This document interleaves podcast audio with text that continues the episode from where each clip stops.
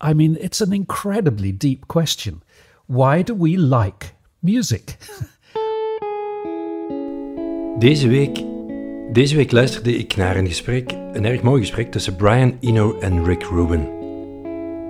Brian Eno, je weet wel, die muzikant die mee aan de wieg stond van ambient music. In het gesprek met Rick Rubin spreekt hij over de kracht van geluid, over resonantie en welke invloed resonantie heeft om dieper in contact te komen met je innerlijke wereld. En hoe muziek een identiteitsinstrument is dat mensen en groepen kan verbinden. I had an accident years and years ago where I was confined to bed for a while. And one afternoon, a rainy afternoon, a friend of mine came over and I said, as she left, I said, Can you just put a record on for me? This is, I, had a record player, but it wasn't close to the bed. So she put this um, record on. It was a record of Welsh harp music. And she just put the needle on and she left. And it was actually very quiet, but I couldn't get up to change the volume. And the rain was beating down outside. And I suddenly had this realization that I loved the fact that the music seemed to be arising out of the rain. It wasn't on top of the rain. Sometimes it was submerged by the rain, but these notes, the loudest notes, were appearing out of the rain. And I thought, how lovely to co opt the surroundings to become part of the music. So this was in 1974, I think, or five. So I started thinking, what about if you made a kind of music that didn't have a hard edge to it, that didn't have a hard boundary, that wasn't done so that you knew that that was a musical sound and that everything else was just random, everyday noise. I thought, what about softening the edges of the music so that you include some things that, that could be noise outside of the music, that could be the street or the rain or the wind or something like that. So I started building in this sort of where ambient music started coming from was this idea of making music that had a soft edge that blended into the rest of the world. So this idea of saying let's make the edge soft so that the music can invite in more of the rest of the world.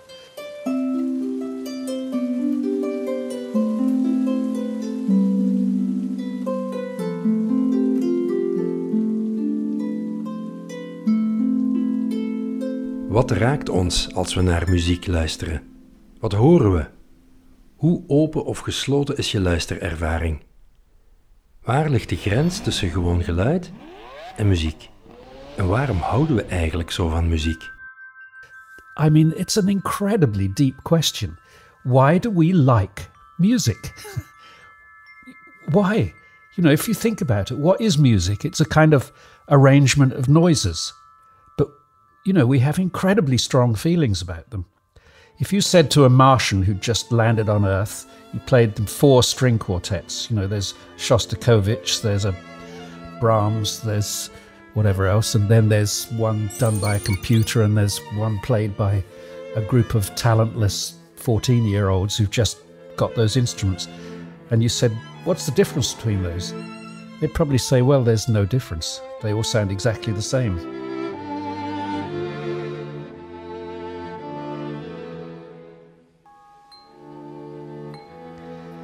We are hearing very, very, very fine distinctions between these things. We obviously care about and value these experiences in quite intense ways. And since I was about 17, I've been thinking about this question of what are we doing it for? What, what are we hearing? Why does it matter? We clearly can live without music. It's not like food. We can't live without food and we can't live without clothes and we can't live without communicating with other human beings. And there are all sorts of things we have to do. Music isn't one of them, painting isn't one of them, sculpture, none of those things that we call arts are things that we have to do. So, why are we doing them and why is it so universal? We don't know of a culture that doesn't have music.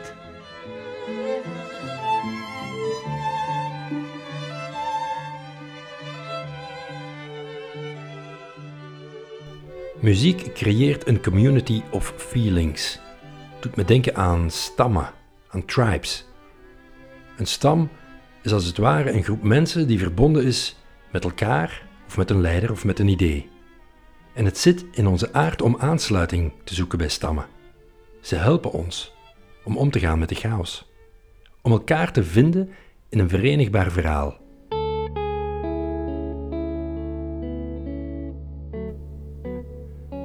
Hoe ben jij verbonden met jouw groep? Op welke frequentie trillen jullie? Welke emoties resoneren en welke niet? It seems to have some ability to allow us to feel or understand ourselves. The music isn't what's important, it's the reaction that's important. Yes, exactly. It's what is happening to us. Yeah. I imagine it when we tap into that in art, it makes us also feel less alone. Not even that someone made it, but there's something out there that resonates with me, even if it's the paint. Yes, I'm not this this thing that doesn't understand itself. Here's something that is re- being reflected back that resonates with me. I feel a connection. So it's maybe it's like love, might be like love. Now, I think this is such an important point that the thing that binds communities together is, is shared culture. And it's for exactly that reason, I think. It's the knowledge that there are a group of other people who have these same feelings. You might not even be able to articulate them, but you know, I can remember this so, so strongly from when I was young that you defined yourself almost by the set of feelings that you responded to. So, for instance, I remember it, there was a time when you were either a Beatles fan or a Rolling Stones fan, and they were fundamentally different. They talked about a different kind of person. You know, doesn't matter that in the end they all ended up millionaires and doesn't matter, it's not important. What was important was that they presented these two different pictures of the kinds of feelings that were appropriate to have about the world. And crossing over from one to the other was a, a big decision. I can remember people having real sort of identity crises about they were finding starting to find the Stones more exciting than the Beatles. And in fact they were starting to find the Beatles a bit sort of wimpy. Or vice versa actually as well. It happened both ways. So I think you're right that you you tap into a sort of community of feelings and the sense that there are other people who value the same feelings that I value. That's sort of what it's about, really. It's about saying these feelings have value for me, and there's a lot of others that don't. Muziek is belangrijk. Maar is het de muziek op zich die belangrijk is? Of onze reactie op de muziek? De gevoelssensatie die het voorbrengt. Bij één persoon, of wanneer we die samen ervaren, de resonantie en de verbinding bij een groep. De gevoelssensatie. In het Engels gebruiken ze hier het woord sensory voor.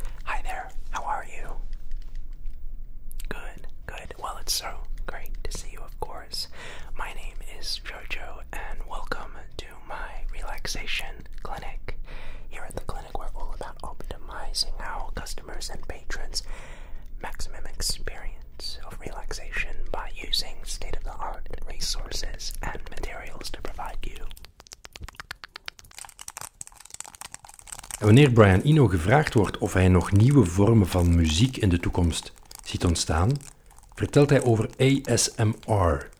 Do you know this um, this listening practice? I don't really know what to call it exactly. I I could call it music, but I'm not sure it is the right word for it. Heb je daarvan gehoord? Het staat voor Autonomous Sensory Meridian Response. Een woord dat je ook meteen weer mag vergeten. It's called ASMR. This is where people are listening very close up to noises like this. And there's lots of smacking lips and that kind of thing. Sensory als in het opwekken van een bepaalde gevoelssensatie dat begint vaak in het achterhoofd en zich dan uitstrekt langs de nek en langs de rug. Een muzikale ervaring, een luisterervaring die je laat vertragen, laat verstillen. Weg van je hectische dagelijkse leven, weg van de controle, de diepte in. Letting go. And basically, people tell quite long stories, but they're hardly stories. It's about that sound. And they often use stereo microphones so they can move their voices from one, from one of your ears to the other and back and forth.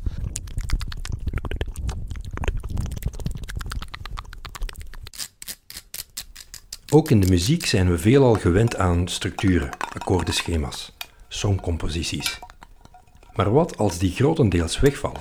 It's very, very interesting because these are quite long pieces. And just go on YouTube and have a look. They've got millions and millions of listeners. So there's a lot of people doing this. En als we alleen geluiden overhouden? Wat als we ons niet verplichten om te ordenen, om te definiëren, om te weten? Wat als we ons wat meer overgeven?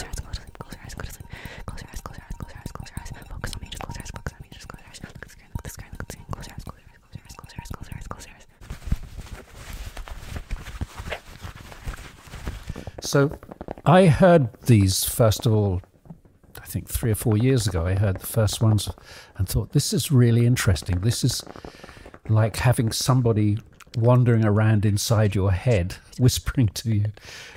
And I thought, this is kind of an, it's like ambient music actually. There's a sort of diminution of content in favor of sound. So it's a kind of live of the moment sound experience that doesn't really have a past or a future. You know, it's not what philosophers call teleological. It doesn't doesn't go somewhere. It doesn't have a goal. It, Yeah. it's it's a steady state experience. And this, of course, is what I always wanted ambient music to be like a like a picture on the wall. You don't expect it to change all the time. What changes is you, the listener. The art stays relatively still.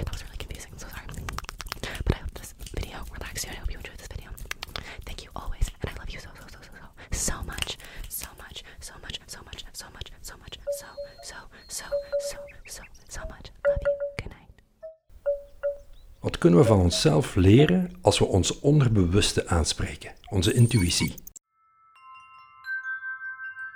Wat resoneert als we vanuit die plek luisteren?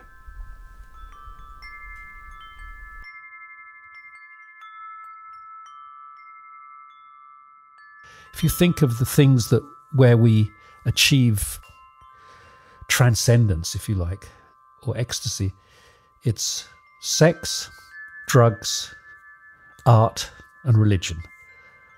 Those are all the places where we say, I'm going to let go and just let this thing happen to me. I'm not going to control it. I'm going to be taken somewhere.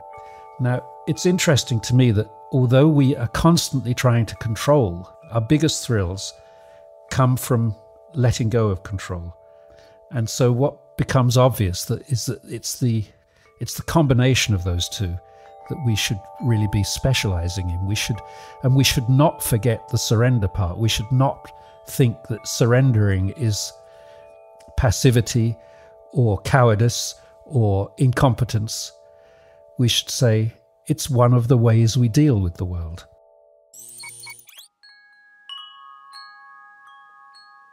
De fragmenten uit het gesprek tussen Brian Eno en Rick Rubin komen uit de podcastreeks Broken Record. Zeker de moeite om eens te ontdekken. Deze podcastaflevering maakt deel uit van de Story Club podcast, al meer dan vier jaar een verzamelplek van authentieke verhalen. Als je interesse hebt om zelf eens dieper te duiken in je eigen verhaal, om te onderzoeken wat nog resoneert en wat misschien niet, ga dan even naar mijn site rafstevens.com. Bedankt voor nu voor het luisteren en graag tot een volgende keer.